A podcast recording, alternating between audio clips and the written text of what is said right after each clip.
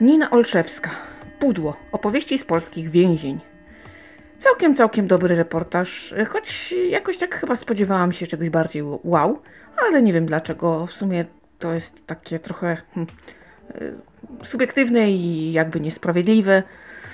Mm, trzeba przyznać, że ciekawe. Autorka rozmawiała z grupą osadzonych, którą jej dobrano. I była to grupa ludzi, którzy cokolwiek rokowali, z którymi można było porozmawiać, którzy mogli coś wnieść, którzy mieli jakiś plan na siebie. Jej odczucia w związku z tymi rozmowami były dość ciekawe, ponieważ ona nie zawsze wiedziała, yy, za co te osoby siedzą, za co zostały skazane. No te przestępstwa do lekkich nie należały, ale kiedy wchodziła z tymi osobami w kontakt, to często właśnie nie podawano jej tych wyroków, bo chciała y, przekonać się, jakie będą też odczucia, mm, kiedy nie będzie postrzegała swojego rozmówcy przez pryzmat wyroku. No i to okazało się całkiem ciekawym doświadczeniem. Okazuje się, że ci więźniowie, którzy y, rokują, którzy jakoś tam myślą o swoich rodzinach, którzy e, kształcą się jakoś, czy myślą o tym, co zrobili, no to dają taką sporą nadzieję i uświadamiają, że każdemu należy się szansa, a każdy może, prawda, upaść. Ich historie są dość poruszające. Najważniejsze w tym wszystkim jest to, że pamiętają o swoich rodzinach, troszczą się o swoje dzieci, starają się uczestniczyć w ich wychowaniu, choć to nie jest łatwe. Autorka również poruszyła y, taki trudny temat y, związany z tym, jak więźniowie radzą sobie po powrocie do domu. To też często y, budzi wiele konfliktów. Mm, I dość ostre sytuacje potrafią mieć miejsce o takie błahostki, typu zamknięta deska sedesowa w toalecie. No tutaj muszę się przyznać, że ja też mam historię na ten temat i rzeczywiście zamykam. No podobno jest to y, dość charakterystyczna y, cecha tych osadzonych właśnie, że oni też tak postępują. No nie, nie siedziałam w więzieniu. nie wiem skąd mi się to wzięło. Faktycznie, faktycznie dość nieprzychylnie myślę, kiedy widzę otwartą. Y, nie robię z tego burzy w szklance wody, y, bo tu nie ma o co kopię kruszyć, ale mm, ja zamykam i bardzo bym sobie życzyła, żeby moi domownicy postępowali tak samo. No nic. Ale wiem, że to jest jakaś tam moja taka cecha i choć nie nabyłam jej w zakładzie karnym, nie, nie mogę powiedzieć skąd to się wzięło. Bo jakoś szczególnie w internatach też nie kojarzę, żeby nas o to bardzo piłowali, żeby zwracano uwagę. Kible, prawda, ogólnodostępne często to nie pamiętam, żeby były jakoś zamykane też. Więc skąd ja sobie w, w, sobie ten nawyk wyrobiłam, to wam nie powiem. Ale to taka ciekawa rzecz, że jak czytałam, to zwróciłam na to baczną uwagę i pomyślałam sobie, o, o mnie to jest. O mnie to jest. Więc kurczę, strach się bać. W każdym razie, mm, niestety y, jeśli chodzi o środowisko więzienne, tutaj też doszło do y, takiej demoralizacji. No kiedyś to środowisko było inne, jeszcze takie dość honorne. W tej chwili wielu więźniów ma wywalone totalnie na wszystko. Są raczej zdemoralizowani w dużej części, nie wszyscy oczywiście.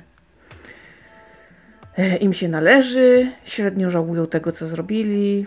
Mm, średnio tam, jeśli chodzi o rodzinę, zobowiązania i tak dalej, to tutaj się podkreśla, że to idzie ku gorszemu. Nastąpił duży spadek tej, tej moralności, y, jakiegoś funkcjonowania w grupie, tej hierarchii całej, to wszystko schodzi jakby na psy. Natomiast,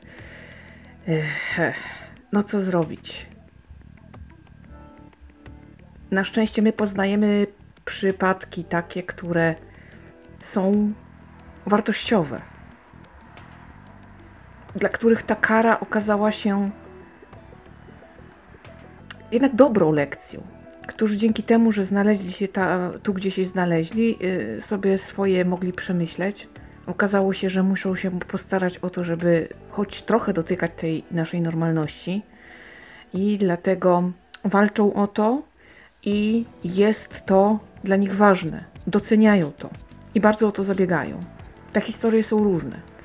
Y, Ci ludzie y, budzą w autorce dość zdumiewające odczucia czasem.